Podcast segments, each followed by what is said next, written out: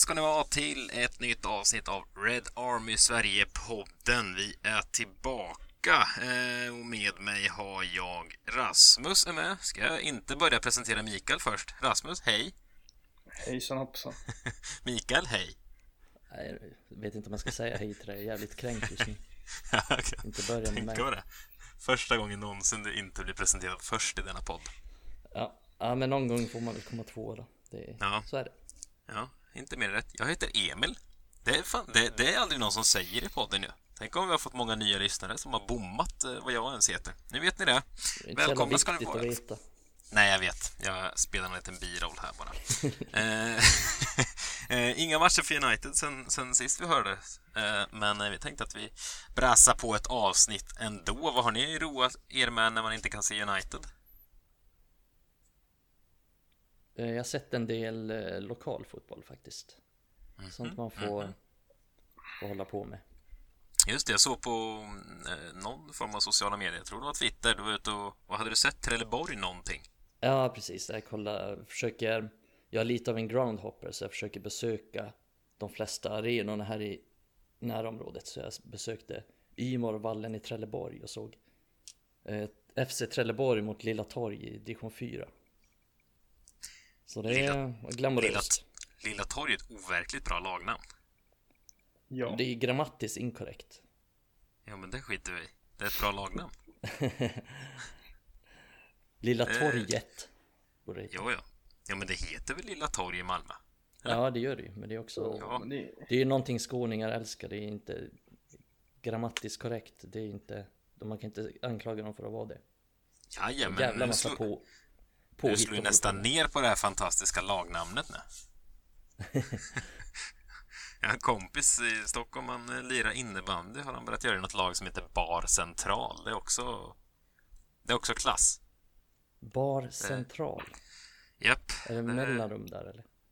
Ja, jag tror det. Det är alltså en bar som heter så. Jag har inte riktigt fattat om de sponsrar laget eller hur det är. Sen hade jag, i Linköping var det ett innebandylag också som hette Linköping Legends och de var ju sponsrade av en nattklubb som hette Legends, alltså New York Legends. Så det är väl ganska vanligt sportbar. att man betalar för ett klubbnamn i de lägre divisionerna. Är det? Men jag gillar det. Jo, jag tycker, ja men typ så här Korpen eller så väldigt låga divisioner så brukar det vara typ att restaurangerna har sitt lagnamn. Ja, ja, men i Korpen är det rimligt, men i, i seriesystemet jag vet inte fasen om det är så vanligt, eller? Är det, det Kanske? Jag tror... Sen är det, så här, det är inte så stor skillnad mellan typ division 7 och Korpen. Där har du en typ poäng samma nivå. Ja. Men jag gillar inte det, alltså det ska ju vara typ så här. Flänna IF. Flänna? Ja men nu sa jag bara någonting, jag vet inte, yes. Flänna existerar inte ens men Flänna IF, de ska heta så. Alla lag i division 5, 6 och så vidare. Ja, ja, ja. Det är så det ska vara. Jag är beredd att hålla med. Det bästa vi har haft i, i fotbollens väg måste vara Café Opera. det var ju fantastiskt. Det laget, alltså. Var de till och med uppe i Allsvenskan och snurra? Ja, Superettan var de väl i. Ja, jag funderar på om de inte har en säsong. Nej. De kanske har det. Men Superettan minns jag att de var i alla fall. Osäker på om de var uppe i Allsvenskan och snurrade en sommar. Ja, nej. Uppskattar det i alla fall, det ska sägas. Eh, men, men. Vi ska väl gå över och prata lite United, trots att vi inte spelat någon match som sagt. Men eh, det finns alltid saker att, eh, att avhandla, det måste vi säga. Eh, det är ju landslagsuppehåll som de flesta av er har koll på gissar jag. Eh, nästa United-match är på lördag mot Leicester på Stryktipstiden 16.00. Det uppskattar man bara en sån sak att det är klockan 16. Vi ska väl kanske börja lite i landslagsuppehållet ändå. Vi ska inte fastna där alldeles för länge. Eh, är det något som har eh, fångat ert intresse eller har ni zonat ut fullständigt? Jag zonar bara ut mer och mer när det kommer till landslagsuppehållet. Jag är fan totalt jävla ointresserad av vad som händer. Du satt inte på nålar och följde Nations Leagues semifinaler och final alltså? Eh, nej, alltså det, det var igår ja. Eh, nej, det gjorde Eller jag såg lite, men jag... Men jag har inte följt det slaviskt direkt, men jag såg lite av de matcherna. Men jag noterade att Varann linkade ut skadad. Mm. Eh, det... Så det är, det är, bara elände med, med landslagsfotboll. Det är bara sådana, Men sådana han mörka fick en- saker jag får se. Han fick en titel också, Varanjo, ihop med det Martial och Pogba. De vann ju. Helvete. Som det, som det brukar vara med United så kan det ju ta några dagar innan man får veta huruvida skadan är allvarlig eller inte. Det brukar kunna ta tid för dem att kommunicera ut. Mm. Ja, Jag har försökt hålla det är span, men jag har Det inte är sett de inte så någonting. bra på, nej. Så man vet ju inte, han drog baksidan men man vet inte om han ska spela, kan spela i helgen eller om han ska vara borta någon vecka. Nej, det får man ju försöka Det får ju lista först, ut på något eget sätt. ja, det får ju nog först reda på när på, O- under under Oles presskonferens gissar jag. Han snurrade ju runt på innerplanen i alla fall efter att Frankrike hade, hade vunnit guldet. Eh, vinner man guld i Nations League? Oklart vad man vinner. Eh, men han snurrade runt var med och jublade i alla fall så... Han ju inte varit hästskadad, men... Eh, ja, Men han gick det- ju ut vanligt också så. Ja, precis. Så det lär inte vara Något månader i alla fall. Nej. Eh, Men det återstår att se. Eh, kan bli spännande backlinje mot Leicester annars på lördag. Men dit Men får vi Mag- Maggan kan väl vara tillbaks? Ja, det det är också lite oklart väl. Ja, det är det väl. Men det är, möj- fullt möjligt att han är.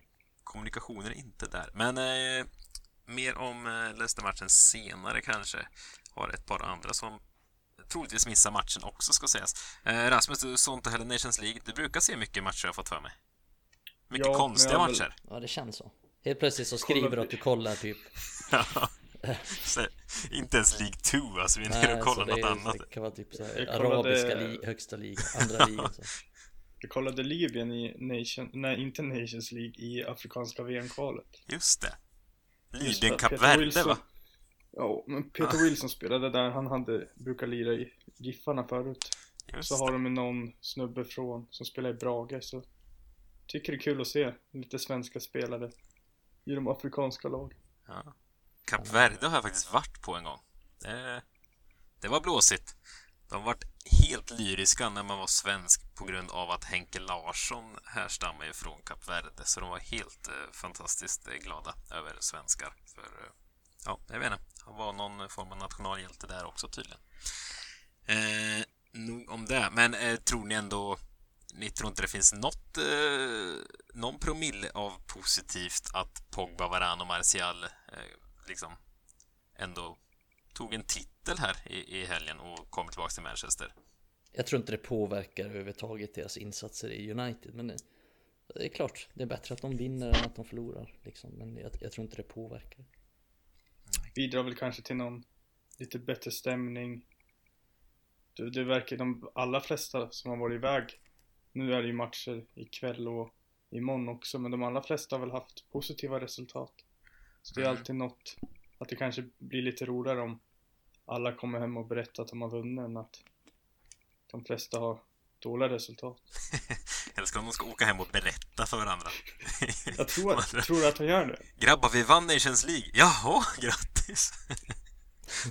Jag tror kanske att de gör det. Berätta Ja, lite i alla kanske. fall. Ja, det vore kul. Jag fick upp en rolig bild framför mig bara. Pogba kom in och ska berätta för de andra grabbarna i omklädningsrummet att vi vann fasen med mig. Eh, Ja, så kul kan man ha. Eh, Ja, vad har vi mer från landslagsuppehåll? De flesta McTominay- vet ju inte ens om det. Så Luke Shaw, han har ingen aning om att Frankrike har vunnit Nations League. Är väl klart de vet, eller? Mike Phelan har ingen aning. Jag tänker att alla har koll på allt på grund av sociala medier. Detta otyg. Ja, men, Men, eh, de sitter ju inte själv på det. Det är ju Luke Shaws hela nej. manager Ja. som sitter på, på hans sociala medier. Så han har säkert koll på att Pogba vunnit Nations Ja. League. Sen, det blir en överraskning för Shaw sen när Pogba kommer hem och berättar historier. Ja, det är fint. Eh, som Rasmus nämnde, det är ju ett gäng matcher kvar när vi spelar in det här. De flesta spelar väl två matcher under ett sånt här landslagsuppehåll och eh, i talande stund så har eh, de allra flesta spelat en match. Fran fransmännen verkar... De är på väg till Manchester redan, så det gick mycket snabbare att avhandla Nations League semifinal och final än vad det gör för de som ska spela kvalet. Vissa spelar inte förrän tisdag kväll eh, och anländer väl till Manchester på onsdagen då istället för måndag som fransmän gör. Så lite, ja, jag vet inte riktigt hur det byggs upp och planeras där. Men eh, kan ta med oss hittills är väl McTominay med ett avgörande mål för Skottland. Det är väl, eh, det är väl alltid något. Mittback som han är i, eh, i Skottland. Eller han är väl en del av en trebackslinje om jag har förstått det hela rätt. Va? Jag ser inte Skottland så det är jättemycket ska jag väl säga. Jag vet inte om ni har sett honom där någon gång snurra runt. Är han vass där? Så jag såg väl honom i, i VM spelade de ju på samma sätt. EM i somras. EM i alla fall. Ja. Ja, precis. EM, då såg jag någon match. Men det blir ju typ så här. Ska man säga en blandning mellan defensiv mittfältare och mittback typ. Han är, det blir inte en klassisk mittback som i en tvåbackslinje. Tycker att han har varit ganska bra i den rollen dock, när jag har sett. Mm. I alla fall defensivt, men det är ju så här en väldigt defensiv 3 5 backslinje så det det kanske inte händer att man gör så mycket mer än att försvara men tycker ändå det ser, sett ganska spännande ut. Ändå lite intressant kanske att ha, ha honom i, i bakhuvudet. Det är ju det är ganska många ändå nu när det går knackigt och det inte ser vackert ut på planen för United så är det ju ganska många ändå som har höjt, höjt rösten och kanske förespråkar att man ska testa 3-5-2 eller 3-4-3 eller något liknande i, i United. Eh, då är det ju ändå intressant att McTominay finns där som ett alternativ som har testat på det kan jag ändå tycka. Eh, när vi ja, varit kritiska mot, mot innermittfältet. Eh, att ja, där funkar det kanske inte 100-100%. Inget ont om McTominay, men ja, ni är med mig att han är inte Premier Leagues bästa innermittfältare. Eh, men vill man ändå få ut egenskaper av honom kanske kanske vore ett alternativ om man eh, skulle förändra formationen. Jag vet inte. Vad tror ni? Ja men alltså Finns det? det? är klart, han har ju en del erfarenhet från den positionen. Han har även spelat i United, även om inte så mycket. Så Mm. att han finns där som alternativ, det är ju helt klart bra. Jag tror att han skulle funka helt okej som en, som en mittback i en trebackslinje. Inte optimal, men ett hyfsat bra alternativ ändå tror jag. Mm.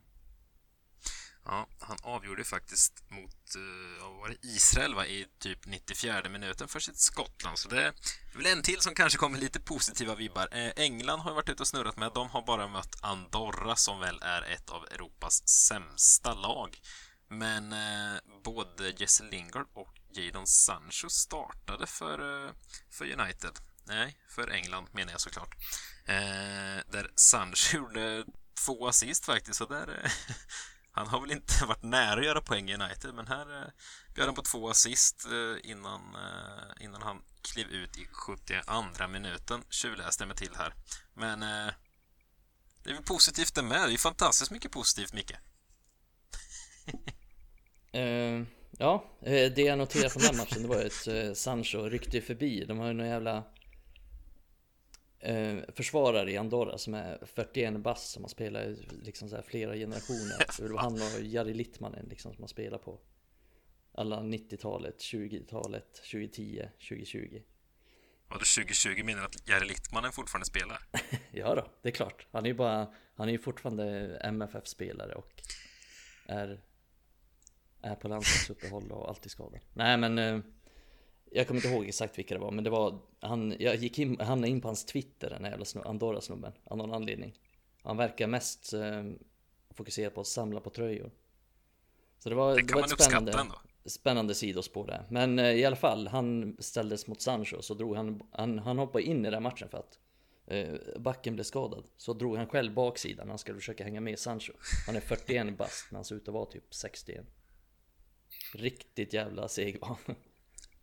Tänkte säga, det är väl kul att Sancho rycker förbi någon. Ja men det är bra för hans självförtroende. Det är, ja, exakt. Ett det, där fantastiskt behövde han. Nej men fan på riktigt, det, han behövde möta typ Andorra och få göra lite poäng. Synd att han inte smällde till med något mål där.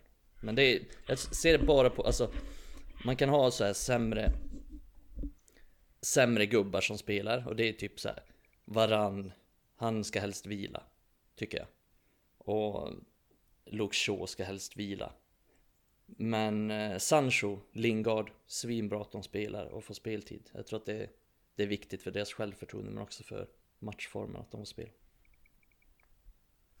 Har vi precis omvärderat din syn på landslagsuppehållet? Nej, nej, bra för vissa spelare, dåligt för andra. Världen är grå, Emil. Ja, det är väl så. Eh, vad har vi mer? Lindelöf ska vi väl säga också. Hans fru Maja har ju varit tokgravid väldigt länge känns det som. Eh, jag vet inte varför jag känner så. Eh, för, eh, Det är som att säga att någon är tokdöd. Antingen är man gravid eller så är man inte, eller så är man Ja, men- död eller så är man inte. Ja, men det är väl sociala medier. Jag vet min sambo följer Maja där också och härjar hela tiden om den här graviditeten. Och då har man tänkt så här, okej, Lindelöf och Igge kanske missar någon United-match men Eh, de passade på att bli tvåbarnsföräldrar här under Sveriges första match mot Kosovo. Eh, och han har anslutit nu till landslagslägret har vi sett, så han lär ju inte missa någon match för United, kan vi väl slå fast, Sveriges kapten. Eh, det är väl kanske det vi har att säga om landslagslägret så här, så här långt. Fred skulle väl säga så jag startade för Brasilien i någon 0-0-match också, så han har varit ute och svingat. Kan vara ett par spelare vi har missat som gjort någonting, men inget av värde. Elanga Eh. gjorde ett rätt snyggt mål dock. Vad sa du nu? Elanga gjorde ett snyggt mål, det Ja. kan jag alltid påpeka. Det är sant. För Sveriges u han gör alltid mål när han är med där. Men eh, Han gör alltid mål i alla lag. Ja, Förutom han när får han får inte- spela vänsterback i United. Mm. Jag tänkte säga, han får inte spela någon annanstans på mer än tråk... Tråkligan, eller vad säger man? Reservlaget. På tal om det, han har ju fan gjort det i många matcher han... Eller det är inte många matcher där han inte har gjort mål. Det känns som han, som ni sa, han gör ju typ alltid mål för U21-landslaget. Nästan alltid mål i U23-ligan. Mm. Men han gör ju mål varje match i U23 Mm. I snitt. Och i U21-landslaget, Ja. så det är kungen där i alla fall. Ja, nej, Ja. men det, är, det är svårt att göra det bättre liksom. Än att dominera totalt där man är. Ja, är det är märkligt. Men jag tänkte vi, vi kanske kan eh, spinna vidare på den bollen. Eh, vi ska prata lite utlånade spelare här sen också, men jag tänker vi eh, kan hålla på det ett tag så kan vi prata lite om spelare, alltså när de varit ute på landslagsläge, för jag slogs av här i, i helgen bara att det är så Ja, men, vi, vi har ju varit lite kritiska, eller alla, alla säger väl nästan nu, eh, har ju varit kritiska till till Ole och, och som liksom hur man använder truppen, vilka spelare, ja men allt det ser ju bra mycket sämre ut än vad det behöver göra. Och många av spelarna som inte får förtroende eller spelare som får förtroende men inte presterar drar sen på landslagsläger och presterar kalasbra. Elanga är väl en av dem. Nu vill han, eh, alltså han är ju en ung spelare så det är klart han inte kan förvänta sig att starta kontinuerligt. Men är ni med vart jag vill komma någonstans? Att alltså Oles användning av truppen, hur, hur, hur är den? Jag har ett gäng förslag på spelare som jag, som jag bara kan bolla upp ur bakfickan eh, som liksom presterar bättre i landslag, är i alla fall min känsla. Eh, och då är ju Elanga en av dem och där funderar jag ens vad tanken är eftersom han inte blev utlånad. Man behöll honom inom, inom Manchester. Eh, Han fick liksom inte flytta på sig. Men sen får han ju inte spela någonting i det närmsta. Alltså, vad ska bli av honom? Han är i den åldern han behöver spela så mycket som möjligt på så bra nivå som möjligt. Och då ska han springa runt i reservlaget eller inte ens det, för många gånger har han ju- ändå varit med i matchtruppen, men då får han ju sitta och glo bara. Nej, märkligt. Jag förstår absolut inte det där så här.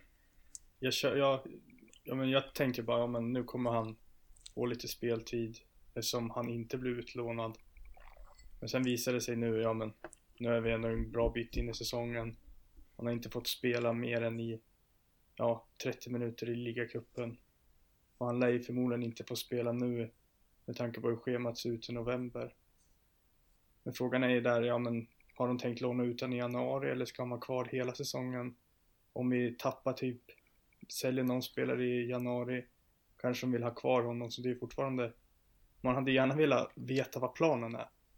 Att Men han får väl inte speltid även om man, även om man skulle sälja sig Martial i januari. Elanga skulle inte få mer speltid än vad han får nu ändå, eller? Nej, men då skulle väl Ole säga bara, men vi behåller honom för att vi behöver en extra gubbe i truppen typ.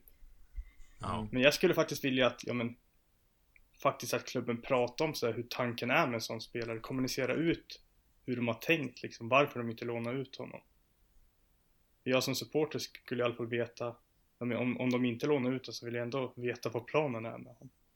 Mm. Men det är ju så här när, när han får frågan kring saker, kring bland annat det. Då lindar han ju alltid in det liksom i, han säger ju aldrig någonting egentligen.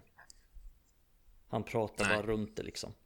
Så att det blir, man Ja, får det- ju liksom aldrig något svar på frågan. Men jag tycker att Ja men det är ju rätt märkligt eftersom vi har snackat om det tidigare att United har så extremt många alternativ och så stor bredd. Så jag förstår inte riktigt heller varför man har kvar dem. Är klart man kan argumentera för att ja, men det är bra för Langas utveckling att få träna med typ Ronaldo, med Rashford, med Cavani.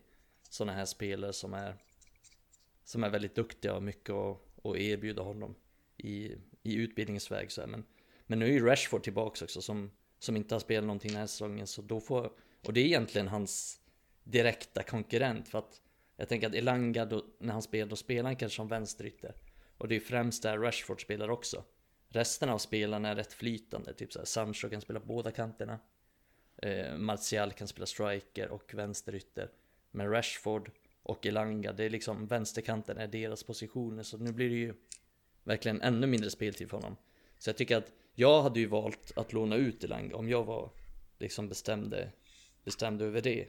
Så jag förstår inte riktigt vad han gör kvar. Och det är, det är ganska många av de yngre spelarna som, som har liksom samma som är i samma läge och Tede Menge till exempel. Han är, spelar med U23 ibland. Men mest sitter han ju bara på läktaren.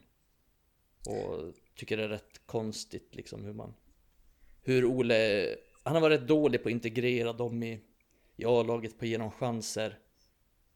Så att ehm, nej, där är jag ganska besviken på Ole. Ahmad ska ju säga sig tillbaka från skadan nu också. Eh, jag vet inte om han är helt hundra åter, skulle jag tro det. Eh, det är också, han skulle ju gå på utlån eh, och råka skada sig tyvärr i sista stund, så det var ju oflyt såklart, men det jag menar är ju att där har vi ytterligare en gubbe nu som kommer hamna i samma situation som, som Elanga varit i hittills under hösten, så det... Mm. Men han tycker också till exempel eh, Ahmad tycker jag ändå har fått spela alldeles för lite sett till vilken potential han har och mm. hur bra han kan bli och sådär. Så jag tycker det, det är rätt många fortfarande, även om det har blivit bättre de senaste åren med Ola och med alla omorganisationer. Tycker att det fortfarande är rätt många så här halvkonstiga beslut. Till exempel Amads, alltså köpet av Amad och liksom så här Pilistri blir ju lite halvkonstiga när man, köp, när man sen går in och köper Sancho säsongen efter. Och Sancho är liksom så här, då tänker man ja men nu har vi en högerytter men det verkar som att Sancho är, är bättre som vänsterytter faktiskt också. Liksom alla sju, åtta andra som vi har i truppen. Så jag tycker det är, det är några ganska märkliga beslut ändå. Och många yngre, jävligt bra spelare som hamnar i kläm, tycker jag, som, som liksom inte når ut med den potentialen som de har. Eftersom de nästan aldrig får någon speltid. Men vad, vad tycker... du sa, speciellt så Ahmad, han var ju väldigt dyr. Vad kostar han? 30, 30 plus? Ja, om alla klausuler slår in så kostar han liksom 35 miljoner pund. Ja, och Pelistri var väl lite billig, men han kostade mm. ändå, vad var det, 8 till 10 beroende ja, på. Något sånt. Så jag menar, det är ändå så här, han har inte spelat, han spelat två träningsmatcher, varit utlånad, haft det tungt. Men jag menar, han, vilken plats är han på i hierarkin? Typ nummer 8? Ja, vad är det för värvning liksom? Ahmad är, ja, Ahmad också så här, han kanske är nummer 6-7, men du lägger inte 35 miljoner pund på någon som är plats 6. Nej, det är jättekonstigt. Typ. Det håller jag med om. Det är jättemärkligt och det illustrerar bara det jag sa där med, med att man köper liksom Ahmad sen säsongen efter köper man Sancho för en miljard. Så det finns, det går att ifrågasätta liksom tanken med det. Vad, det, det är någonting som är, som är märkligt där. Hela mm, Ahmadi-grejen tycker jag är rätt märkligt eftersom han har fått spela så lite och jag tycker ändå när han väl har spelat så har han varit bra och visat att han att han har en enorm potential. Jag tror jag, jag sa det i förra avsnittet att så, alltså spelare som Elanga, Hannibal, Ahmad, de hade fått, alltså de hade fått rikt med liksom A-lagserfarenhet om de hade varit i Monaco eller Dortmund eller och det går ju att argumentera för att United inte är bättre än de lagen ens. Så att eh, tycker han har varit rätt svag på, på att integrera dem och vi kan kolla, vi snackade om det tidigare också med att Liverpool till exempel spelar Cade Gordon i, som är 16 år i, i ligacupen medan Ole inte alls gör det överhuvudtaget. Och han spelade ju bland annat Elliot har ju varit ordinarie den här säsongen, han är bara 17. Medan Ole inte alls är på den nivån. Liksom på att ge våra talanger chansen. Och då har ändå United uttalat liksom så att ja, men vi satsar på unga spelare, vi ger unga spelare chanser men de senaste en, två säsongerna så har han inte riktigt gjort det. Jag tycker det är mest snack där bara. nu, som jag sa innan, det är lite märkligt för att den här tanken med de här unga, hur ska de integreras? Hur, när ska de få speltid? Hur ska de utvecklas? Den, jag vet inte riktigt om det finns någon riktig plan för det just nu. Nej, och det känns väl lite som det du är inne på att vissa andra lagspelare, alltså det går ju faktiskt att argumentera eh, till och med City liksom med, med sin trupp och så, alltså mm. när det är ligacup och så som vankas, det slängs ju in spelare som jag aldrig någonsin hört talas om där. Eh, mm. De sitter inte kvar med någon gammal 35-åring som ska rastas då. Eh, nej, de plockar, nej, precis, de plockar inte fram Juan Mata liksom ur Nej. För de har ju gjort sig av med den typen av spelare för länge sedan eftersom de inte är De är ingen kompisklubb, de har ju ambitioner att vinna Vilket ja. jag fan tvivlar på om United har. Nej men det känns som ett City också, går de upp till 3-0 liksom i en ligamatch Det är inte helt orimligt att det dyker upp någon, någon 17-åring som får hoppa in i 10 minuter då. Eh, Det händer inte i dagens United tyvärr. Men om, om ni två hade gått in i rollen som att, att ni får styra United inför den här säsongen, hade ni liksom valt då att behålla både Elanga och Ahmad och gjort dem en del av liksom att de får spela? Tycker ni de är så pass bra att ni liksom valt att behålla dem? Gjort det med kanske, säg Mata, Martial, ja, Lingard, vad vet jag? Eh, eh, ja, själva frågan, är de så pass bra att de skulle kunna få speltid och liksom ja, knacka på dörren om att få spela på riktigt? Absolut, jag, jag säger ja för att ingen av dem är färdiga spelare. Men det kommer de heller aldrig bli om de inte får speltid. De måste få liksom chansen att att komma in i laget, de måste få chansen att råka göra fel, de måste få chansen och de måste få chansen igen. Och jag hade inte haft dem liksom så här, det är inte så att jag argumenterar för att de ska peta Rashford eller han ska peta Cavani eller han ska göra det. Men definitivt att jag skulle spela dem före Juan Mata till exempel. Eh, och jag skulle också, jag har sagt det tidigare också, att jag tycker att United har för många typ offensiva yttrar, offensiva mittfältare. Så jag skulle definitivt satsat på att, ja nu är det lätt att säga efterhand eftersom Martial har varit så pass svag den här säsongen hittills. Men, men han gjorde ju mål sist. Han gjorde mål sist, det gjorde han. Men, men jag skulle ju liksom så här med facit hand så skulle man ju kanske försökt sälja honom och det är ju en spelare man skulle få, kunna få ganska mycket för också. Så jag skulle definitivt hellre satsa på liksom Ahmad, på Elanga, på Hannibal än på den typen av liksom så här, trötta spelare. Och jag, jag tror inte att det är omöjligt typ om United skulle ponera att Ole får sparken och United tar in en så här, någon progressiv eh, coach liksom. Då tror jag inte att det är omöjligt att en sån som Hannibal till exempel får väldigt mycket chanser på mittfältet. På centralt mittfält eftersom han är ingen sämre fotbollsspelare än vad Scott McTominay är. Och han är ingen sämre liksom så här, spelare än flera andra i truppen, än, än Juan Mata och så vidare. Så att jag tycker att de har fått spela alldeles för lite och jag tror att Ole är rätt, rätt ganska rädd om sitt jobb. Eh, han är ganska försiktig med att, med att släppa fram dem eftersom han vill ha den här typen av, av stabilitet. Han vill veta vad han får av typ McTominay. Han vill veta vad han får av Juan Mata. Han vet att Mata inte gör bort sig när han väl, när han väl går in på planen. Men jag vill ändå ha en tränare som, som är modig i sitt agerande och som vågar ta den här typen av beslut och upplever faktiskt inte att Ole vågar det just nu. Sen ett, ett exempel, ja men när de väl har låtit spelare gå, vi har ju haft, ja med Tjong förra säsongen, det var ju, ja men varken i Brygge eller i Bremen var han ju särskilt bra. Var väl också så här, ja de kanske bara lånade ut honom mer än att de hade någon riktig plan för honom. Samma med Pelistri nu som var i Alaves under våren och han ska vara där hela säsongen nu. Sen läste jag nu på slutet att de kanske funderar på att kalla hem, kalla hem honom och låna ut honom någon annanstans men där känns inte heller som att man riktigt haft någon plan. För det första är laget svindåligt, sen har han mest fått ja, men, hoppa in i matcher väldigt sent. Han har inte särskilt många starter. Har ju inte gjort en enda poäng där. Ja, han har inte gjort en enda poäng. Jag menar, då har han ändå varit i United snart i två år. Och det har, utvecklingen har inte gått någonstans. Så men där känns det som att bara, ja men, vi skickar ut honom på lån för att vi har för många spelare. Men vi har mm. ingen plan för honom. Nej, precis. Och det är lite känslan med andra spelare också. Mm.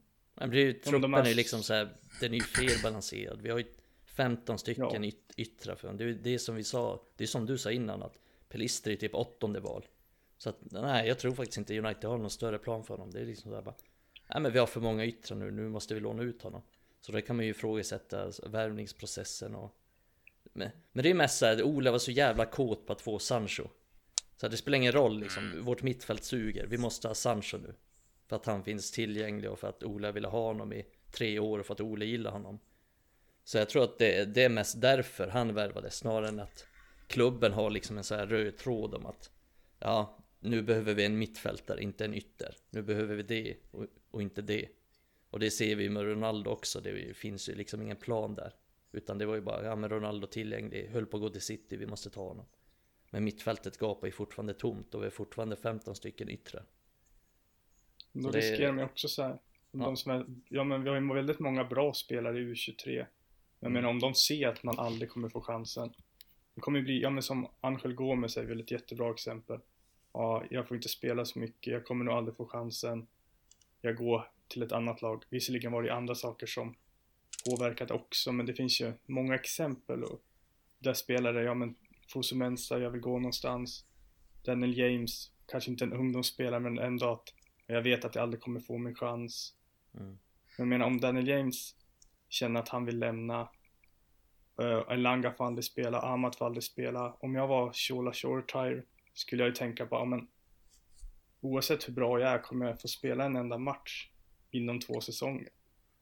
Jag menar, jag skulle ju som ungdomsspelare börja tänka på, har jag verkligen en framtid i United?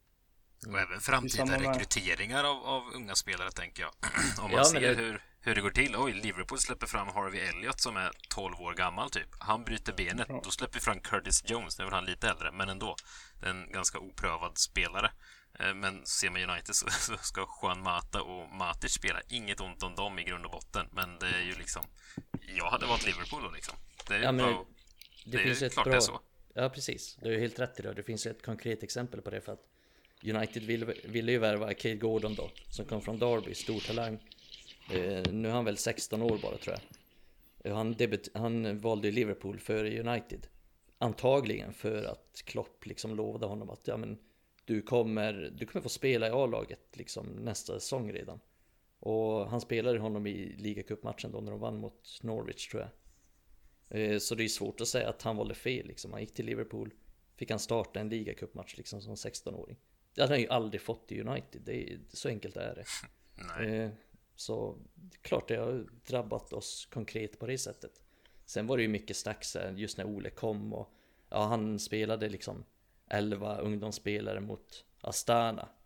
Men han spelar ju aldrig dem när det bränner till liksom. Han, han sätter inte ens in en av dem i en ligacupmatch.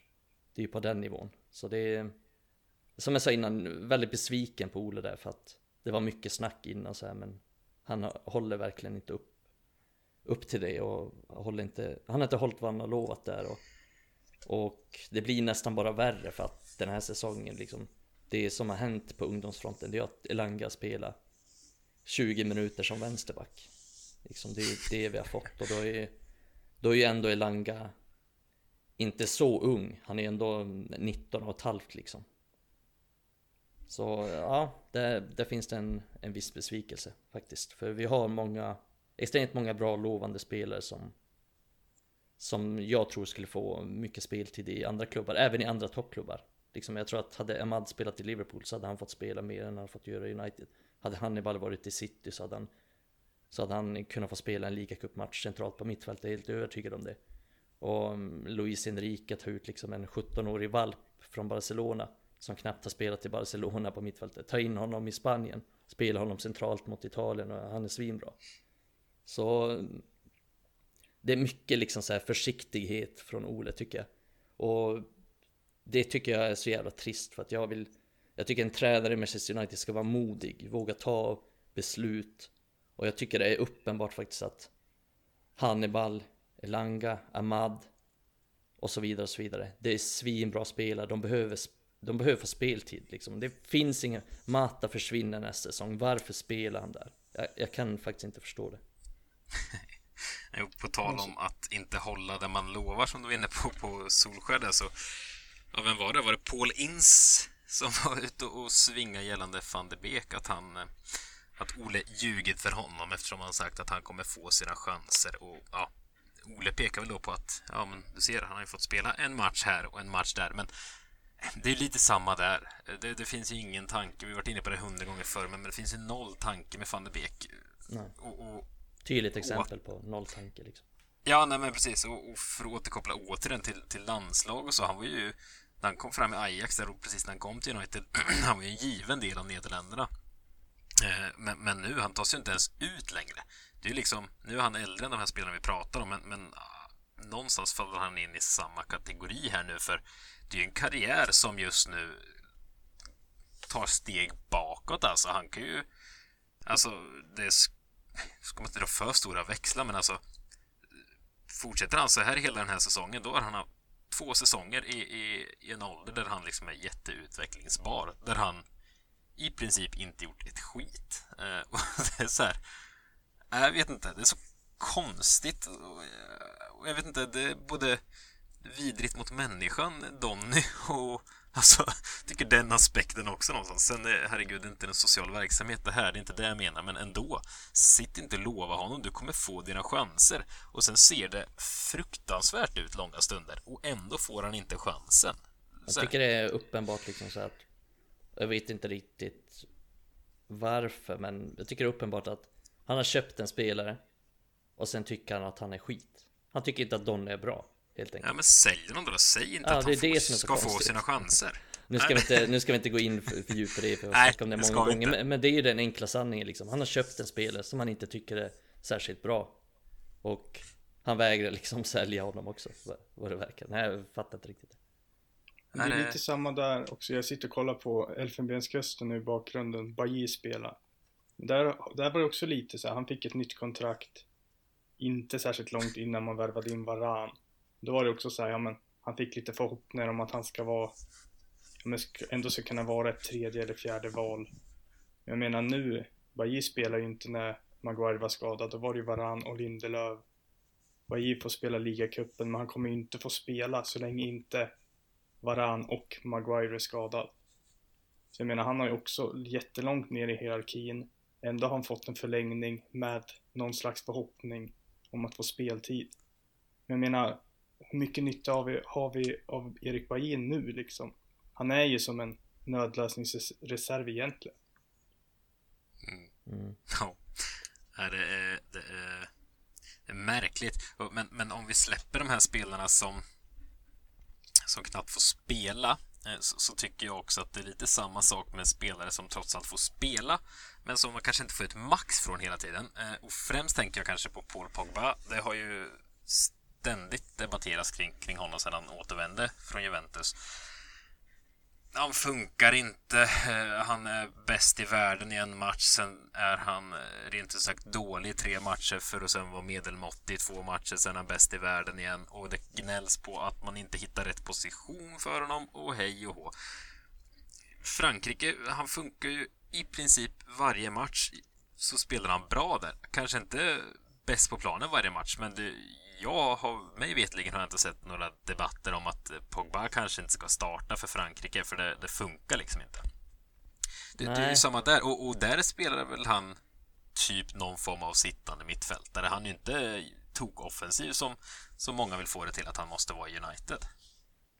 Nej, alltså det som jag tänker är skillnaden Det är väl, jag funderar ganska mycket på det här och det, det är svårt liksom, att sätta fingret på varför ser det ut så här För Pogba är uppenbart mycket bättre i, i Frankrike än han är i United, alltså rent generellt så här Eftersom han är, han är mycket jämnare som du säger i Frankrike Han är, han är oftast jävligt bra helt enkelt och det, Och Juventus när han var där. Ja, men då spelar han på lite annan position ändå. Ja, men ja, typ är i. EM så här, jag tyckte jag tyckte han var helt fantastisk i EM. Men jag tror att det ligger någonting i det här att han Det går lite långsammare i, i landslaget och det passar Pogba tror jag för att det är när han har spelat mer sittande roll i United Det är när, liksom så här, när det blir högt tempo Då har han svårt när han blir pressad. Och då gör han lite misstag, gör lite dumma grejer. Så jag tror att det är när han får mycket tid på sig och det är inte Det är inte någon enorm press oftast När det gäller landslagsspel. Alltså press, och då menar jag på att Liksom lagpress är inte särskilt högt eller särskilt särskilt bra som ett kollektiv utan det är mest att man sitter tillbaka och det, kan, det är lite lägre tempo helt enkelt. Så jag tror att det, just det passar Pogba bättre än det höga tempot i Premier League faktiskt. Sen, det tror jag vi har varit inne på förr också någon gång i podden, eh, att Pogba är väl kanske lite också eh, Dels där inne på Lite av en lyxlirare också. Ja, exakt. Det var det jag skulle komma till. Dels i Frankrike kanske ett lag som folk har väldigt stor respekt för såklart och, och backar hem som du säger och det finns tid. Men sen som sagt var, han är en lyxlirare. I ett fantastiskt lag som funkar bra så har man råd att slänga in Pogba. Han får pilla med lite vad han vill och ja, resultatet blir fantastiskt många gånger. I ett lag som har lite kämpigt så kanske det blir snarare att han, han drar ner lite, men hur mycket är det och, och, andra spelare här också vi kanske pratar om. Alltså hur mycket är det spelarens ansvar så då, tycker ni? Eh, ett, ett, annat exempel kanske är Fred. Han, han har ju fan slagit sin ordinarie i ett Brasilien som är ett av världens bästa landslag också och, och verkar göra det bra där. Jag har inte sett skitmycket av Brasilien ska jag väl säga sista året, men samma där, han får ju väldigt mycket kritik i United, men gör uppenbarligen bra i, i, i, Brasilien. Hur mycket kan man lägga på spelarna hur mycket ska vi bara sitta och gapa på stackars eh, Solskär? Alltså jag tycker inte att man kan, eller om man ska tänka efter, så här, har vi någon spelare i vårt ordinarie A-lag som är dålig i landslaget? Det var ju som du var inne på, om Fred får mycket kritik i United, han har ju blivit berömd för sina senaste insatser i Brasilien. McTominay var duktig plus att han gjorde mål sist. Visserligen i en annan roll. Sansa gjorde assister. Lindelöf brukar ju vara stabil i Sverige och får väl Visserligen får jag alltid kritik från engelsk media ändå. Men han blir ju inte sågad som om han kan bli i United ibland. Jag skulle nog inte säga att jag tycker att han är så mycket bättre i Sverige än vad han är i England. Men jag tycker absolut att han kan göra sämre insatser i United än vad han gör för Sverige. När han är som en ledare eller vad man ska säga.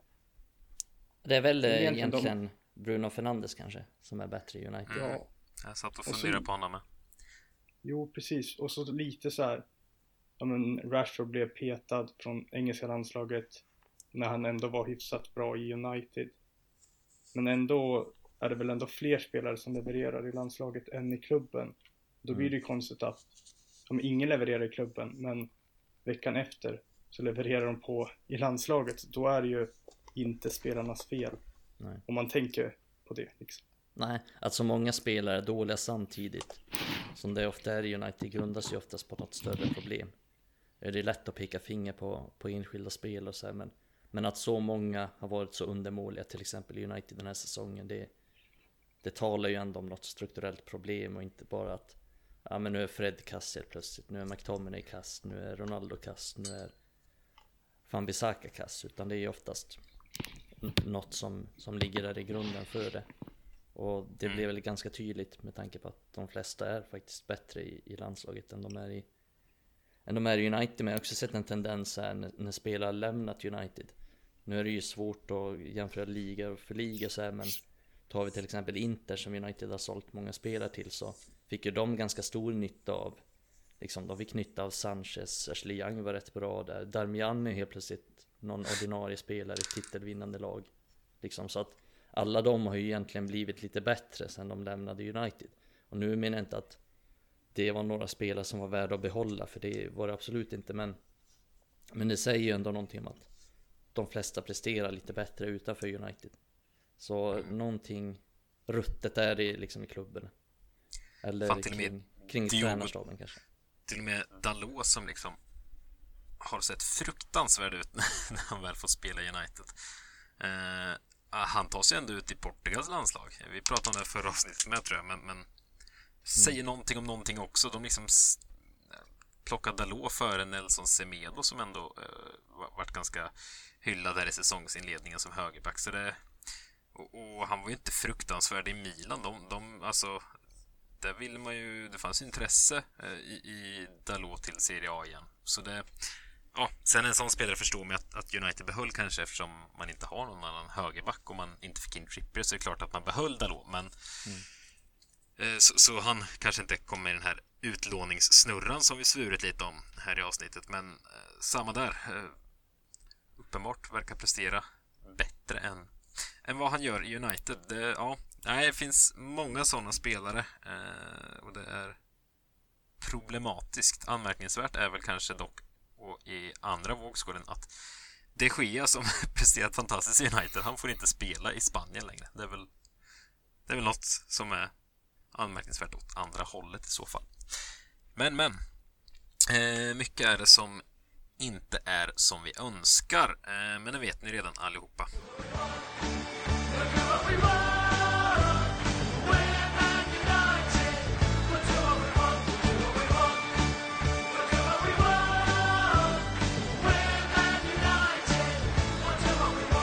Då så är vi tillbaka med andra halvlek här av detta avsnitt. Eh, vi har sågat mestadels. Allt. Ja, sågat allt och lite till här. Så här långt. Eh, vi tänkte checka av lite här nu när United inte själva har några matcher. Eh, lite utlånade spelare, även om vi tjatat om att eh, några fler kanske borde blivit utlånade, eh, så är det ju ändå ett stort gäng som trots allt är utlånade eh, denna säsong. Sitter, du på, sitter någon av er på hur många som är utlånade på rak arm, eller hur många är det? Typ? Är det 15? Är det så många? Uh, ja, inte äh. riktigt så många kanske. För mig att jag skriver någon gång att 12-13 det var typ, ja, någonstans där om beroende på om man ska räkna med alla lån. Mm. Ja, det ska man ju. Exkludera några som vi tycker det De räknas nej, nej men jag vet att jag skrev någon artikel där jag exkluderade någon Typ Will Fish För att jag ansåg att han var för långt ifrån A-lag. Men han yeah. är ju trots allt utlånad ändå.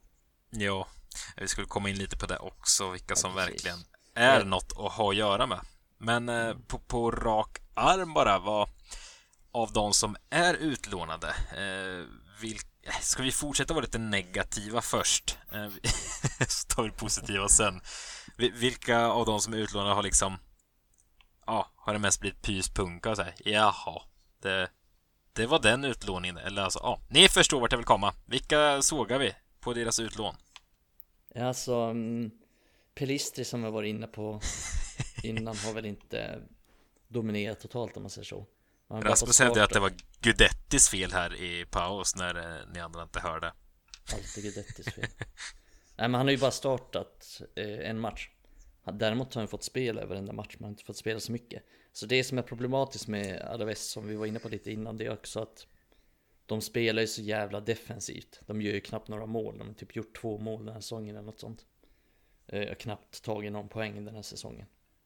Eh, så det är väl ingen superklubb liksom att komma till om man vill att Pelistri ska bli en United-spelare och utveckla sitt offensiva spel. Eh, men sen kan jag ju tycka att bara man, så länge man får mycket speltid i en liksom i en bra liga så tycker jag att det är helt okej. Okay. Men det som är problem med honom det är väl att han inte fått spela så mycket så det är väl lite av en besvikelse. Men det är svårt att säga att han har varit kass liksom. Det är svårt att vara bra när man får spela 10 minuter och så får man göra det ett bottenlag som inte har bollen på hela matchen. Liksom vad ska han göra? Eh, då är jag väl kanske lite mer besviken på, på James Garner som har varit sådär i Nottingham. Petad i senaste matchen dessutom. Dock fick han ju hoppa in så här. Men de har ju ny tränare också. Chris Hewton fick sparken. Och Steve Cooper har kommit in. Som är väl känd för att liksom ge ungdomar chansen. Han har ju tidigare tror jag vunnit U17 EM i England. Steve Cooper. Eh, så han, han gav ju många spelare chansen i, i Swansea innan. När han var tränare där men Så jag trodde att han skulle liksom satsa hårt på Garner men han petade faktiskt honom i senaste matchen. Och Garner har inte varit särskilt bra i något EM hittills den här säsongen. Det är eh, intressant för det var ju ändå en spelare som Många, däribland du, bollade upp inför säsongen att det kan ju faktiskt vara en mm. En spelare som skulle kunna få chansen i United inom en mycket snar framtid men det... Mm. Uh, nej, men han, han, har väl inte riktigt Alltså han var ju bra där förra säsongen, men han har inte riktigt tagit mm. steget. Eh, han har inte varit svindålig, det är inte det. Han har fått spela väldigt mycket innan och det var första matchen liksom han satt på bänken. Men han har, man hade kanske större förväntningar på honom. Han skulle liksom, för han var väldigt bra där förra säsongen så man tänkte att han kanske skulle dominera något igen, men det har han inte riktigt gjort. Och jag tycker väl han var, tycker inte han var särskilt bra på försäsongen med United heller, så jag tycker han har sett sig sådär ut den här i inledningen av den här säsongen, men han har tid att vända på det. Han kommer definitivt få spela mycket i Nottingham, det är inte det. Han kommer få Han kommer få spela mycket framöver, men det Han måste höja sig, det måste han. Yes, vad har vi mer än jag kommer... Jag är inte lika fantastisk som er och har dunderkoll på de här som spelar i gärdsgårdsserierna. Eh, ska jag sträcka upp handen och vara ärlig och säga. Men en som man eh, ser jämt tänkte jag säga, eh, Brandon Williams är ju kvar i Premier League i Norwich. Det, eh, jag har väl aldrig riktigt trott på honom att han kommer slå sig in i United, men eh, han har inte stärkt sina aktier på sitt utlån till Norwich. Var, var petad sist här för någon grek som skulle spela, spela vänsterback också. Vad, vad tänker ni kring honom? Alltså jag har ju, precis som du var inne på, alltså jag, jag gav egentligen upp honom under förra säsongen. För att jag menar, vad var det säsongen innan? Då spelade han ändå typ 15-20 matcher. Förra säsongen, det var ju också så här, ja men det vi var inne på innan. Han kanske borde ha varit utlånad förra säsongen. Istället för att sitta på bänken. För då kanske, då hade han förmodligen varit en bättre fotbollsspelare än vad han är nu. Men tror du det kan bli så här med fler spelare? Alltså, Både han och Tuan Sebe var ju, ut, var ju liksom Hamnade ju båda i samma situation De var typ någon typ av fjärde, femte val nästan Och fick mm. nästan aldrig spela någonting Och det hade varit bättre så här med Nu är båda, båda de utlånade så med facit i hand borde ju båda vara utlånade redan förra säsongen Och kanske då, hade det kanske inneburit att till exempel Tuan Sebe hade fått spela mycket och kanske kunnat bidra till United den här säsongen istället. Eh, så jag tycker att det är många gånger United gör det, typ så här, kasta bort en säsong för en spelare, vilket jag tycker är lite märkligt. Men finns det en oro att det kan bli på samma sätt för de vi varit inne på som Elanga och Ahmad, att de nu bränner en säsong och sen blir utlånade och då ja, då presterar de helt enkelt inte lika bra som de skulle kunnat gjort. För det är som vi har varit inne på, det är trots allt en hel säsong, eventuellt två i vissa fall, där man i sin viktigaste ålder i karriären, liksom, där man ska utvecklas som allra mest, bara står och stampar. Eh, så finns oron att det blir samma för de spelarna. Vi har pratat väldigt mycket om dem redan, så vi ska inte fastna. Men, men ser ni att det kan vara ett samma mönster? Ja, absolut. Det är väl klart att det kan bli. Ja, men jag tycker så här. Brandon Williams, när han väl fick spela förra säsongen också, då var det så här.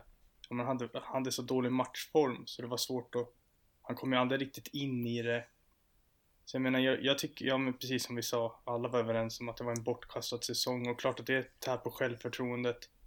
De tänkte att du får spela nästan varannan match och sen säsongen efter får du spela noll. Då kommer du ju bara känna dig betydligt sämre. Så jag menar, jag tror att Elanga, ja men om vi säger att han, han inte blir utlånad i januari och dippar lite i U23, kanske inte gör mål varje match. Då är det klart att kanske inte han är i sitt livs bästa form i slutet av säsongen, får kanske inte spela något med A-laget heller. Och då kanske, ja men, då hade han ju förmodligen kunnat gjort det bättre någon annanstans. Även om man som, ja men kan köpa varför Ole vill ha kvar honom. Men jag tror ändå att det finns en risk att det, att det blir så. Ja men för jag menar han kommer ju inte fortsätta göra mål varje match. Och det är ju då problemen kommer. Mm. Har vi någon mer eh, som ni känner har presterat dåligt på, på sitt utlån så här långt? Och då tänker jag av de mer framstående, eller de spelarna vi har koll på sedan tidigare. Nej, alltså egentligen inte. Det har gått ganska bra för de flesta. Eh, vilket inte alltid brukar vara fallet, men de flesta får spela ganska mycket och det går ganska bra för dem. Som man förväntar sig liksom ska kunna slå sig in i United så småningom. Så det är, det är mm. nästan bara positivt. Det är väl mest Garner då. Som ändå, som jag sa innan, han fått spela väldigt mycket så det är bara en match liksom han var petad. Men han har inte varit riktigt lika bra. Så det är väl lite ett orosmoment och Pelistri behöver så småningom få mer speltid. Men annars, det är liksom man får ju nästan leta för att hitta dåliga saker där kring mm. just dem. Men om vi eh, hamnar i, i den bra vågskålen då. Eh, en spelare jag funderar på, eh, Tahit Chong, eh, tyckte jag mig läsa rätt mycket i början av säsongen här att han gjorde det riktigt bra i Birmingham. Eh, och han har fått eh, spela ganska mycket, eh, som jag har förstått det. Men står bara noterad för en assist ändå. Hur, mm. hur är status på honom egentligen? För han är en spelare vi har sett också i United-tröjan en del gånger ändå, trots allt. Mm. Nej, men alltså han har inlett rätt bra.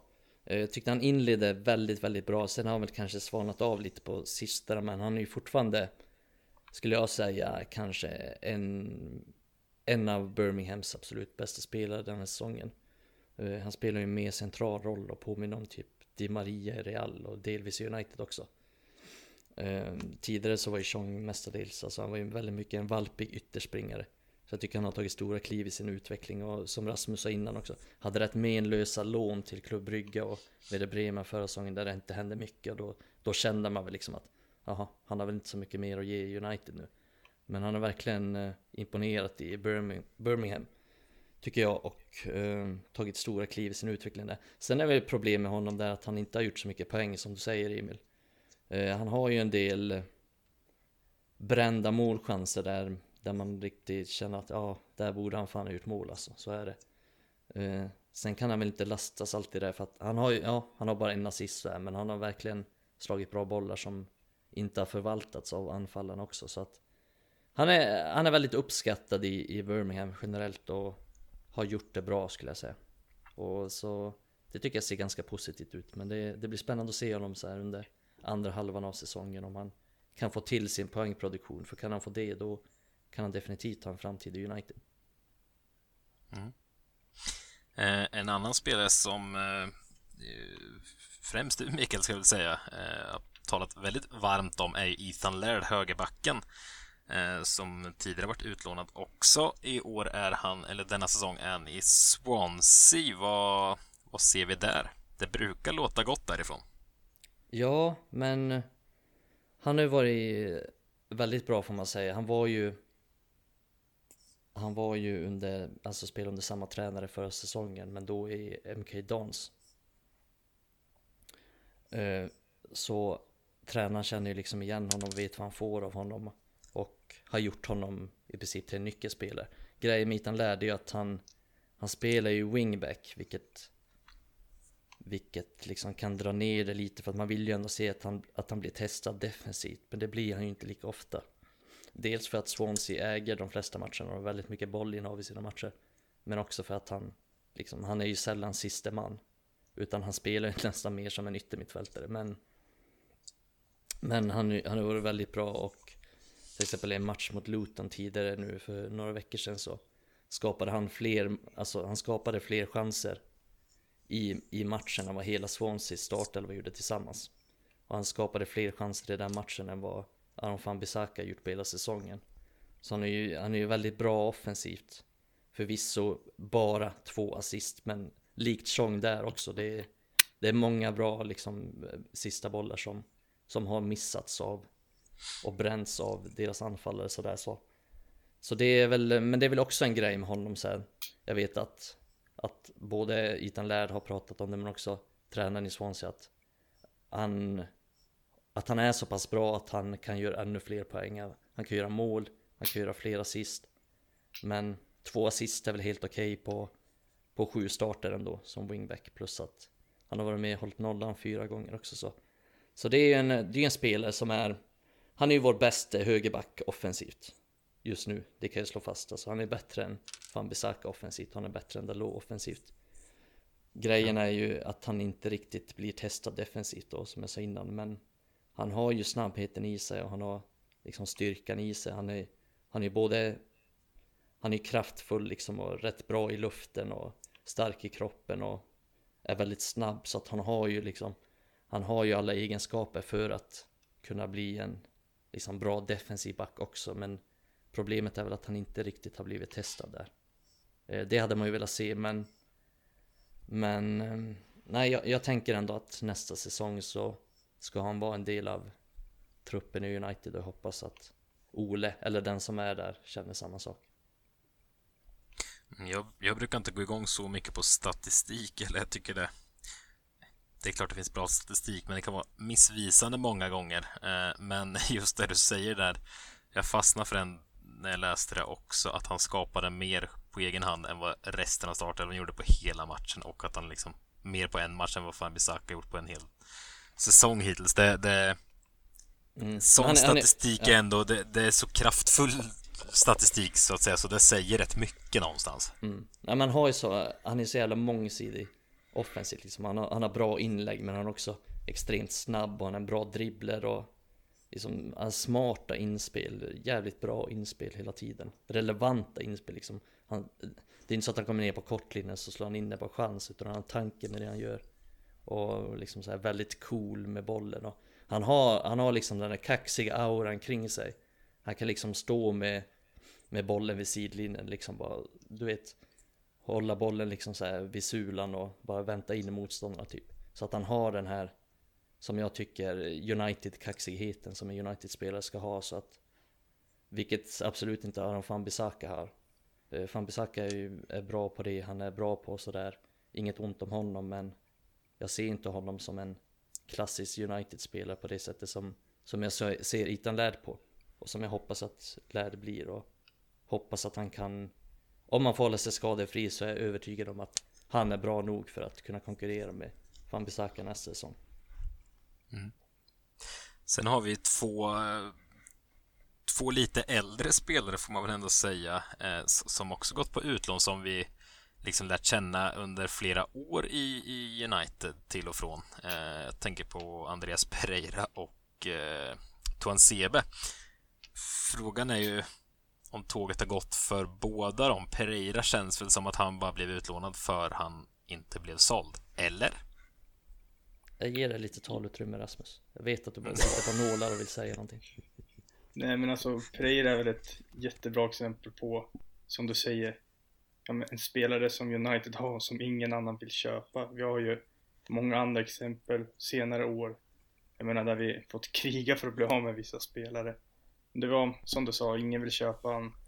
Vi låna ut han, tjäna lite pengar på minskade lönekostnader men jag ser ju, jag har väldigt svårt att se att Pereira skulle vara en del av eh, Uniteds framtida plan.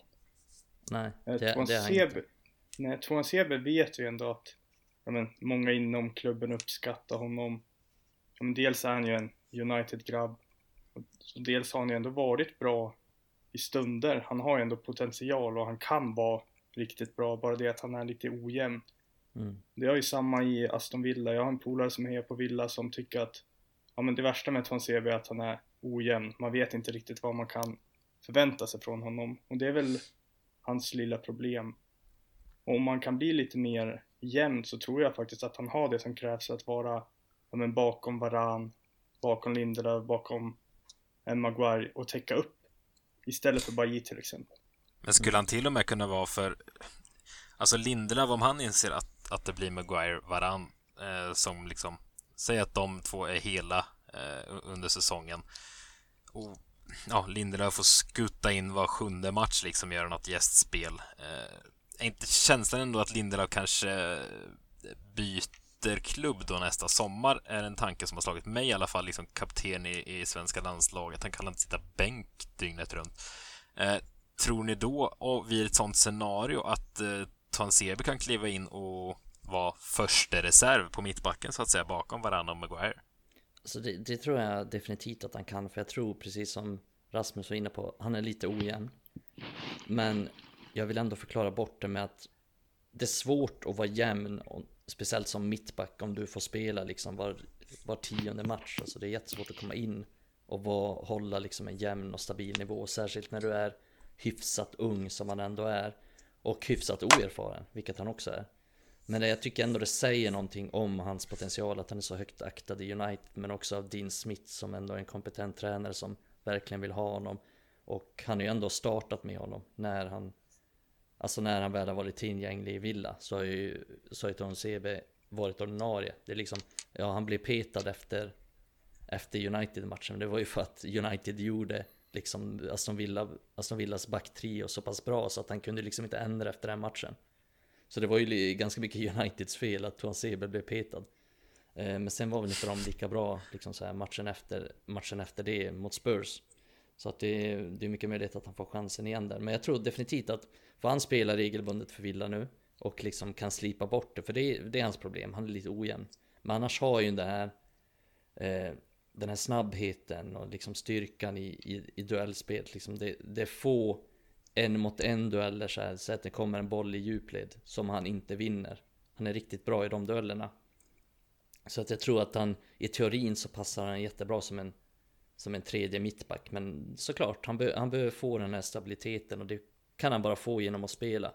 Så att jag hoppas att han, att han kan skrapa bort de här misstagen som han har för att han har en del potential. Och jag tror också som du säger att i, i längden så tror jag inte Lindelöf vill vara en, en tredje mittback och Bajie verkar redan liksom så här, i huvudet på väg bort. Jag tror att han är väldigt missnöjd med sin situation. Jag tror att överlag så tror jag att Martial och Bajie och van der Beek är de tre som är mest liksom missnöjda med sin situation i United. Eh, så jag tror att det finns ju någon slags öppning där för Tuansebe, men det gäller att han tar chansen också. Hittills har han gjort det, hittills har han gjort det rätt bra. Inte, inte 10 av 10 direkt, men liksom så här 6, 6,5 av 10. Men jag ser lite där samma problem. Visst, nu skrev man ju på ett nytt kontrakt, men kanske samma som Lingard, att han, han vill verkligen spela United, men han kanske inte vill vara den här tredje mittbacken som bara får spela i ligacupen eller när någon av mittbackarna är skadade. Jag menar om man gör en bra säsong i Villa då kanske de vill ha kvar honom eller något annat Premier League-lag och då står ni ändå inför ett val att ja men ska jag vara en startspelare i Premier League någon annanstans eller ska jag vara tredje val i United? Mm. En bra det poäng. kommer ju ändå, han är ju inte så här, han är inte jätteung längre heller. Nej, fyller 24 i november tror jag. Ja, och då är det så här. Ja, kanske så här. Ska jag sitta ett år i United? Det är ändå ett, ett förlorat år kan det vara för honom i den åldern. Mm. Nej, men jag, jag Mm. tror ju också att han trivs väldigt bra i Villa. Han var ju utlånad till Villa tidigare. Eh, och var med och spelade upp dem i, i Premier League. Jag vet inte vad din Villa-polare har sagt om det, men jag följde ju liksom så här. Jag följer ju lånekollen, det är jag som skriver lånekollen. Jag följer alla lånespelare noga. Så jag läser ju en del typ så här på Aston Villa forum och sådär. Men de, det var ju många där som tyckte att han var bättre till och med än Tyron Mings när de gick upp i Premier League. Eh, och den här säsongen är de väl liksom så här helt okej nöjda med honom. Det är precis som ni polare sa. Eh, lite ojämn så här i vissa matcher. Men det är, det är att förvänta sig när man inte spelar så ofta och inte har spelat så mycket. Jag tror din Smith sa det till och med att Tuansebe har knappt spelat fotboll liksom de senaste åren. Så det är inte så konstigt att han är lite rostig. Eh, så nej men det, det är en bra poäng där för att jag tror att han trivs väldigt bra i Villa och skulle han göra en bra säsong i Villa så tänker han nog tänker han nog väldigt mycket på sin framtid där och speciellt om din Smith skulle snacka med honom och säga ja men jag vill ha dig liksom jag kommer satsa på dig. Ja, varför inte? Liksom Aston Villa är en bra klubb. Aspirera Han vet på... ju att han inte, han vet att han inte kommer få starta i United. För det, Ja, nej förmodligen det, inte. det, det kan man ju, förra säsongen, innan, innan Varann värvades in, då fanns ju ändå möjligheten att peta Lindelöf liksom. Mm. Men det är ju betydligt svårare som det ser ut just nu. Ja men det är så jävla konstigt, alltså så här, nu, nu ska jag inte försvara det för att det är klart Tuansebe har haft chansen, han har fått sina chanser. Även om det har varit var tionde match så har han fått liksom chansen att spela, fått chansen att visa. Men det är lite konstigt där när han gjorde så bra match mot PSG. Så fick han liksom inte spela på två månader efter det. Det tycker jag var liksom så här jättekonstig hantering av truppen. Att inte utnyttja att han var så bra. Liksom, så att, ja men gör han en så pass bra match då kanske man inte petar honom nästa match. Eh, så, men som sagt, det är liksom upp till, det är upp till Tuansebe också att göra det bästa av det och det har inte riktigt gjort i United, det kan man inte säga men Ja, det blir spännande att se vad som händer där. Yes. Är det någon mer? Har vi missat någon lånespelare ni vill, ni vill göra av, neds, nedslag på eller ska vi snurra men- vidare? Vi kan väl ta någon till, alltså om vi pratar Jag har ju sagt det för flera avsnitt sedan, nu ska jag vara positiv Emil, nu ska jag vara Ja, positiv ja, jag tror Så på jag dig. försöker lyfta här nu Du är till och med positiv till Nations League snart. Ja, jag har märkt att du, du, du vill hela tiden ner i avgrunden här Du, du vill styra det lite så här. du vet när vi börjar snacka positivt om lånespelarna så kommer du in på Ja men Elanga där har inte fått spela någonting Jag det är är dystopisk av mig. det, det, det är därför jag älskar dig. Nej men eh, Ja. jag vill eh, ändå nämna Ethan Galbraith som jag tycker har varit Gjort det bra i, i Doncaster och Det är en kul spelare liksom Speciellt eftersom United har så pass få bra mittfältare och Där är verkligen en, en spelskicklig Mittfältare även om det bara är i League One så är han ju en Alltså han är, han är en bättre passningsspelare än vad Scott McTominay är till exempel. Och inget ont om McTominay återigen så här. Men, men det är han. Eh, hans passningar liksom så här, som kan bryta linjer med sina passningar, vilket jag tycker vi saknar generellt på mittfältet. Och han är också rätt aggressiv i sitt spel. Sen tycker jag att han behöver bygga på sig lite och liksom bygga på sig lite muskler och bli lite starkare i kroppen så här. Men jag tycker det är en intressant spelartyp och en kul spelartyp. Rätt aggressiv i sitt spel också, lite som typ Verratti. Att han är rätt aggressiv i sitt mittfältsspel men också riktigt bra med bollen och kan slå de här öppnande passningen. Så det är en, en kille jag tycker har, har gjort det bra på lån. Han får väl älga runt lite landslagsfotboll också väl? Ja, han är med titt som tätt i, i Nordirlands landslag så här, men nu på sistone har han spelat Du har ju du superkoll på Rasmus eftersom du skriver en del landslagsuppdateringar. Han har varit, varit kap, kapten, kapten i U21 va? Ja. ja, precis. Och gjorde, jag minns förra landslagsuppehållet gjorde han väl något Något straffmål som säkrade någon vinst men uh. Det är också, ja men Det är alltid något positivt att vara kapten och det Indikerar väl också att han Ja men att han är kanske Ja men som du säger en spelare som vill ta mycket ansvar på planen också, speciellt med sitt passningsspel. Så det, mm. Jag tycker alltid det är roligt när United-spelare dyker upp som kaptener lite här och var. Mm. Nej men det som är så, nu har jag inte sett desto mer liksom så här 90 minuters matcher med Doncaster, men jag har försökt se så mycket längre klipp som det går, men han är ju verkligen en som, som styr på mittfältet för dem. Och som har en nyckel och liksom där på mittfältet som nästan alltid flest passningar i laget och sådär en spelare som de verkligen söker med bollen. Och, och nu när han är ordinarie i ett League One-lag så är han väl snart liksom tänker jag i alla fall att han är snart en permanent del av Nordirlands landslag A-landslag. Eh, Dylan Levitt är ju utlånad till Dundee United. Han är ju också en sån som som de söker väldigt mycket med med passningen. Och han är också en sån som styr väldigt mycket på mittfältet inte lika aggressiv i sitt spel som Ethan Gerbert men sitter mer tillbaka och kan, kan också slå liksom öppnande passningar. Men han är ju däremot en permanent del av, av Wales A-landslagstrupp. Eh, sen får han inte spela supermycket, han spelar ibland träningsmatcher och så här, men sällan, han gjorde några minuter i EM faktiskt men men det är också en, ett en fullt spel. OK landslag också faktiskt. Det är inte, ja, det är, det är, inte Andorra som varit inne på med 41 år. Så det är lite meriterande faktiskt att han, att han alltid är uttagen dit och får ändå spela en, en mm. del. Ja, men det är som sagt du som har lånekollen som, som eh, kommer ut en gång i veckan på, på våra sidor. Men eh, en, den, den ska ni alla läsa vill jag säga till alla lyssnare för övrigt. Det är väldigt mycket matnyttigt. Eh, men något jag har tänkt på när jag ser det, Eh, den här lånekollen, eh, där du sammanställer allt så fantastiskt bra. Det är ju liksom, alltså några av spelarna när jag dels eh, ja, har man inte sett liksom U23 något, något nämnvärt reservlagen så, så har man ju knappt sett vissa spelare och så ser man vilka lag de är utlånade till. Bara för att dra några exempel här. Dimani Mellor i Salford. Han är central anfallare. Ja, ska han slå sig in i United snart då? Ja. Connor mm. Stanley, yttermittfältare, Atlanta United i trötta amerikanska ligan. Två dessutom. Det är deras typ Ja, det är det. B-lag. Ja, du ser.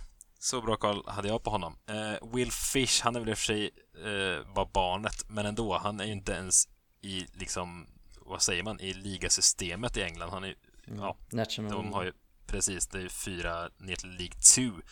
Sen kommer han i sitt Stockport. Ja, men det är väl landa i. Eh, eller så här, Reese Divine, St. Johnstone.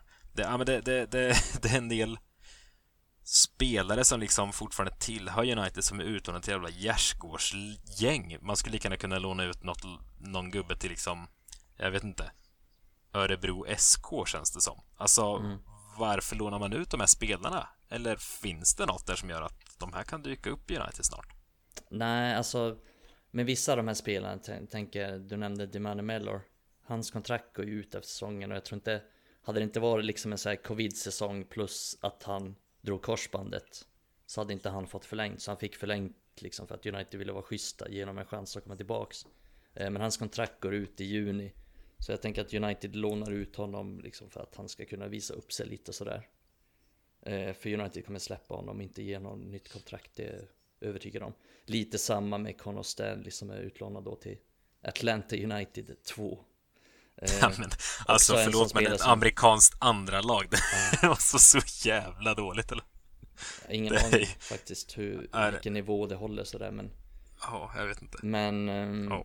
Nej, det är också en spelare som Vars kontrakt går ut och som Som inte kommer att få förlängt så det är väl Där handlar det väl mer om att United vill vara humana liksom och vara schyssta och det tycker jag är en, en ganska bra grej liksom att de tar hand om De spelarna man har och liksom är Delar ut lite så här Man gör det bästa för dem utan att liksom Se till sin egen vinst i det utan man, man förlorar snarare pengar ibland kanske på det. Men i, men i längden så tror jag man vinner mycket på det. Att man har liksom utbildat bra människor, utbildar bra spelare som, och får ett gott rykte liksom i akademin och sådär. Yes, Will Fish, det... Jag vill bara nämna, men Will Fish tycker man ändå skulle kunna vara lite högre upp i systemet. Man fick ju ändå speltid under förra säsongen, var mm. med under försäsongen. Så jag menar, det är inte alla som får vara med på försäsongen heller.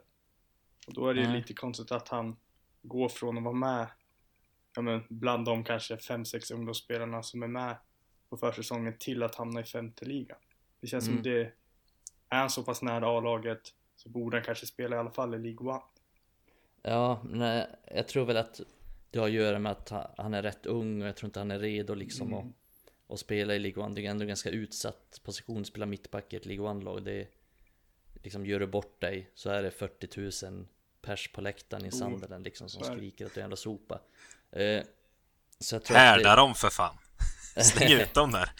ja, nej men han är väl inte riktigt redo för det och anledningen till att han är i Han är i Stockport det är väl för att han är på ett så, så kallat ungdomslån vilket innebär att han Han tränar med United Och så spelar han liksom Han tränar säkert med, med Stockport också en del men så spelar han liksom matcher med dem på helgen och sådär. Men United kan hela tiden Jag tror de, de Stockport tränar också på Uniteds gamla anläggning tror jag eh, Så United kan ha ganska bra övervakning där liksom hur det går för honom och kan se honom i träningar och träffar mm. honom varje vecka så jag tror det, det är mycket en geografisk grej där att han är utlånad dit Jag är ute och eh. cyklar när jag får för mig att, han, att jag läser att han bor hemma till och med Alltså det kan ju vara en sån aspekt också tänker jag men ung, alltså Ja, absolut. Det är, 18 bast, alltså, alltså man kanske bara är, vad vet jag, man kanske inte är trygg i sig själv som människa att vilja ge sig ut på ett äventyr, även om man är jätteduktig på fotboll. Det Nej, kanske man ska ta i beaktning också. Ja, absolut. Nej, men det är sällan United lånar ut så unga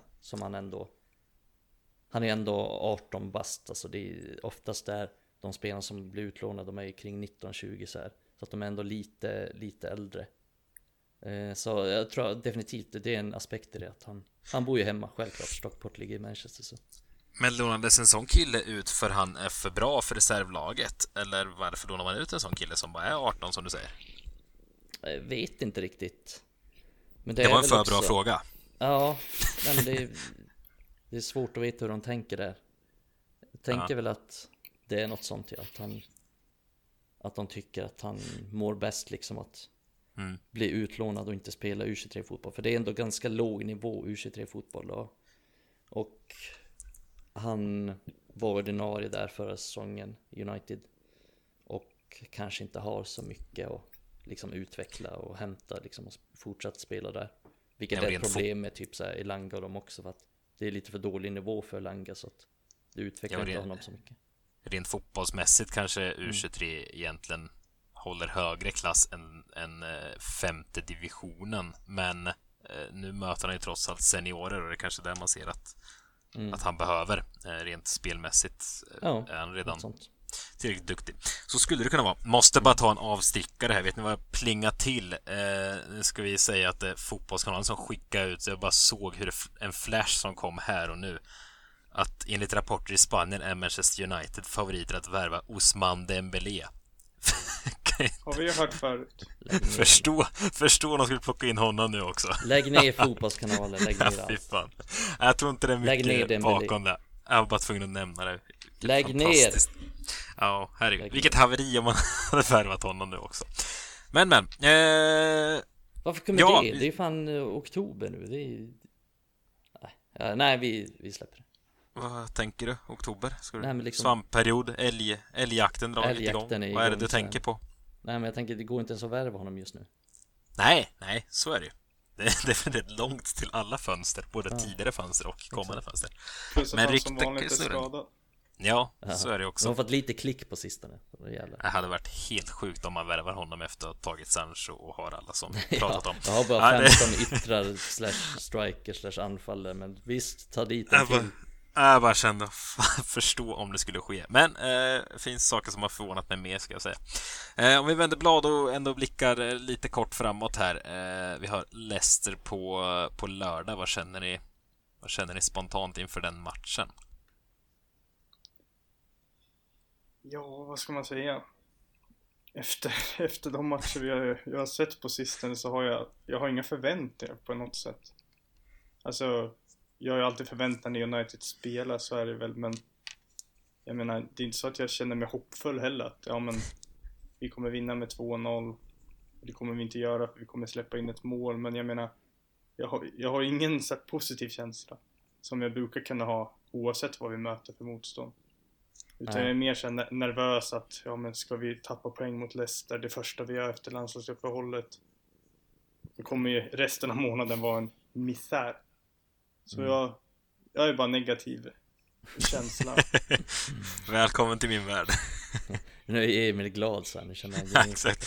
Garva men- lite när andra mår Ja, lika dåligt precis. som jag gör. Nej Vet men också alltså, att Rasmus sitter bakfull en måndag och spelar in för en drack på lördagen. Det tycker jag också tillför något i det hela. Två dagars bakis eller? Ja, är för gammal. Det är inte kul att åka på. Vad skulle du säga Mikael? Eh, om två dagars bakis? nej. Nej, nej, du är inne på något annat. Om United skulle jag gissa. Eh, nej men ehm, Det lär ju bli en svår match. Alltså det positiva för United det är väl att Leicester har inlett rätt dåligt också. Att de inte har varit särskilt bra den säsongen. Eh, de har en del skador också. Som, Som som vanligt. spökar för dem på viktiga spelare så här. Eh, så att jag tror att eh, Sen är det ju en Det är en svårbedömd match som fan. Liksom, Det är jättesvårt att säga vad som ska hända. Kollar vi Uniteds senaste liksom, sex matcher Så har United statistiken 2-1-3 Det är inte superbra liksom. Två vinster, en oavgjort, tre förluster. Och då är det inga Storlag vi har mött direkt heller så att eh, det, det kommer bli tufft men United brukar ju kunna sprattla till i den här typen av matcher när det gäller lite mer och United har ändå kniven mot strupen och Leicester är ändå en liksom en stor match för för United och jag tror att de kommer tagga till ganska bra till den. Eh, men som sagt jättesvårt att säga hur, hur den kommer gå och sådär. Det är ju en bit bort också. Men jag är ju inte, det är inte så att jag sitter här med, med gott självförtroende och säger att ja, men United kommer vinna den här matchen. Utan det mest troliga är väl liksom att det, det blir något slags poängtapp, tyvärr. Så lite så här spännande, ja men det vi var inne på i början så här. Kommer Maguire vara tillbaka? Eh, är Varann skadad eller är han inte tillräckligt skadad för att missa matchen? Så vi vet ju inte om vi har två mittbackar borta eller inte. Och det är fortfarande landslagsmatcher kvar. Det är säkert någon som lyckas skada sig ikväll eller imorgon. Det vet man ju aldrig men det är ändå lite osäkerhet kring spelartruppen trots det. Rashford tillbaks, Mm. hoppas vi. Det blir spännande att se om han får någon, eh, någon speltid direkt här eller om man ska smyga på något sätt och inte våga sätta in honom än. Nej, spännande. Väldigt kul, eh, måste jag säga, att han kommer tillbaka med lite, lite färskt. Han kanske inte har drabbats något av det här. Ja, för många spelare kanske har lite sämre självförtroende nu också efter hur spelet har sett ut, men han kan nog komma med lite lite fräscha, vad ska man säga, fräscht mental hälsa tänkte jag säga. Eh, lite där i alla fall. Han är inte fördärvad än. Nej, det kan vara en positiv injektion. Eh, ska väl också sägas att Fred och Cavani som är sydamerikaner, de är ju där bort igenom eh, på den kontinenten och eh, spelar fotboll nu för sina landslag. Och det är så jävla märkligt att de har de har ju matcher typ fredag kväll eller något sånt. Eller ja, det, det är Ja, precis. Fredag eh, spelas det matcher där borta. Eh, så de möts till och med Brasilien mot Uruguay. Eh, och jag har inte sett någon kommunikation alls eh, på att de ska liksom skippa den landskampen och komma tillbaka till Manchester. Eh, annars missar de garanterat matchen på lördag såklart. Eh, och det är VM-kval det här det handlar om, så det är inte någon trött gammal eh, träningsmatch mot, eh, mot eh, något dynggäng. Eh, så Fredo Cavani ska vi nog inte räkna med spelar alls. Eh, märkligt det också, du och dina älskade landslag, Micke. Det är Mhm. Det blir Märkligt. intressant att se hur United ställer upp då centralt på mittfältet utan Fred. mm, faktiskt. Jag tycker ändå, även om man får mycket skit så är han ändå en, man säga, en nyckel på mittfältet. Liksom. Det är en som gör jobbet så att säga. Vi har väl inte så många andra som, som gillar att, att springa och täcka upp för de andra så att och Nej, och om- Matic ben kanske inte hänger med i den här typen av matcher. Jag tänker att det ändå blir oftast ganska intensivt mot Leicester, så här, intensivt mittfältspel och sådär. Och det brukar inte passa Matic så bra, så det ska bli intressant att se vad som, vad som händer där på centrala mittfältet. Mm, och låt säga att både Maguire och Varan missar också. Då är det Mm. tre, ja, vad ska man säga, de tre viktigaste defensiva kuggarna får man nästan säga då. Eh, Jävlar. det sker borträknad. Det Då, kan bli åka av. Och Jamie Vardy är ganska bra målform också. Eller ja, ganska, då, då sveper väldigt han inte bara två Red Bull, då sveper han fyra, fem Red Bull matchen. Han ser att Exakt. båda mittbackarna är borta och Matic ju- på mittfältet. Han är inte, det är inte så att han är orolig för Matic speed eller någonting. Nej, inte direkt. Han trycker kör- upp en jävla Siberia snus och så tar han fem Ja. Och så går han ut som en jävla skabbräv där. Stoppar en Siberia innanför förhuden. Har lärt sig av Schmeichel. Danskarna kör ju på det jag sett. Så det... Jag har en norsk kompis som också gör det. Eller Nej, gör. sluta! Jo. Nej. Han berättade om det i alla fall. Han var med i typ så här alpin junior alpinlandslaget eller någonting. Eh, så fick de inte snusa tydligen. Och när de inte fick det så berättade han att då satte de det inför, ja, i förhuden istället. Det är, Så det är så jävla bisarrt så det finns inte alltså. Det måste svida något så in i alltså. Ja, Nej, det är fruktansvärt. Jag förstår vet du. Se Jamie Vardy springer runt som en Ja, men han to, har gör en det. sån rackare under förhuden.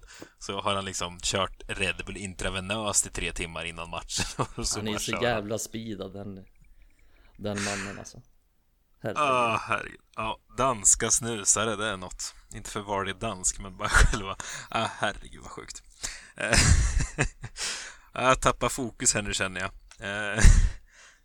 Vart var vi? Ja, Dansk det här är ju- snus. ja precis.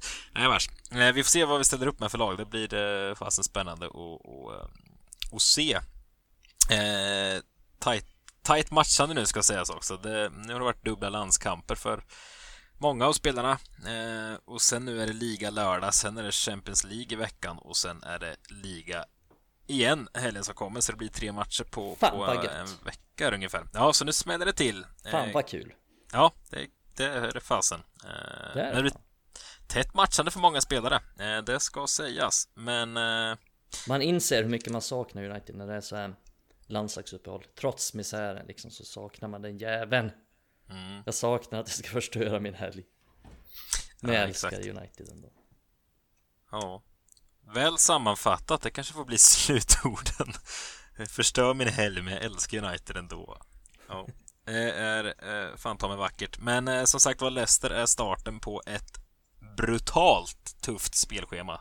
Som, vi, som jag har varit inne på varenda avsnitt. Ja, nu kommer du in på sen, schemat igen här nu. Jag har varit inne på varje avsnitt sedan Ja, eh, början av augusti tror jag, om det här spelschemat. Ja, det är Eh, bra, så man ska liksom Ja. trycka på det så att folk inte glömmer det.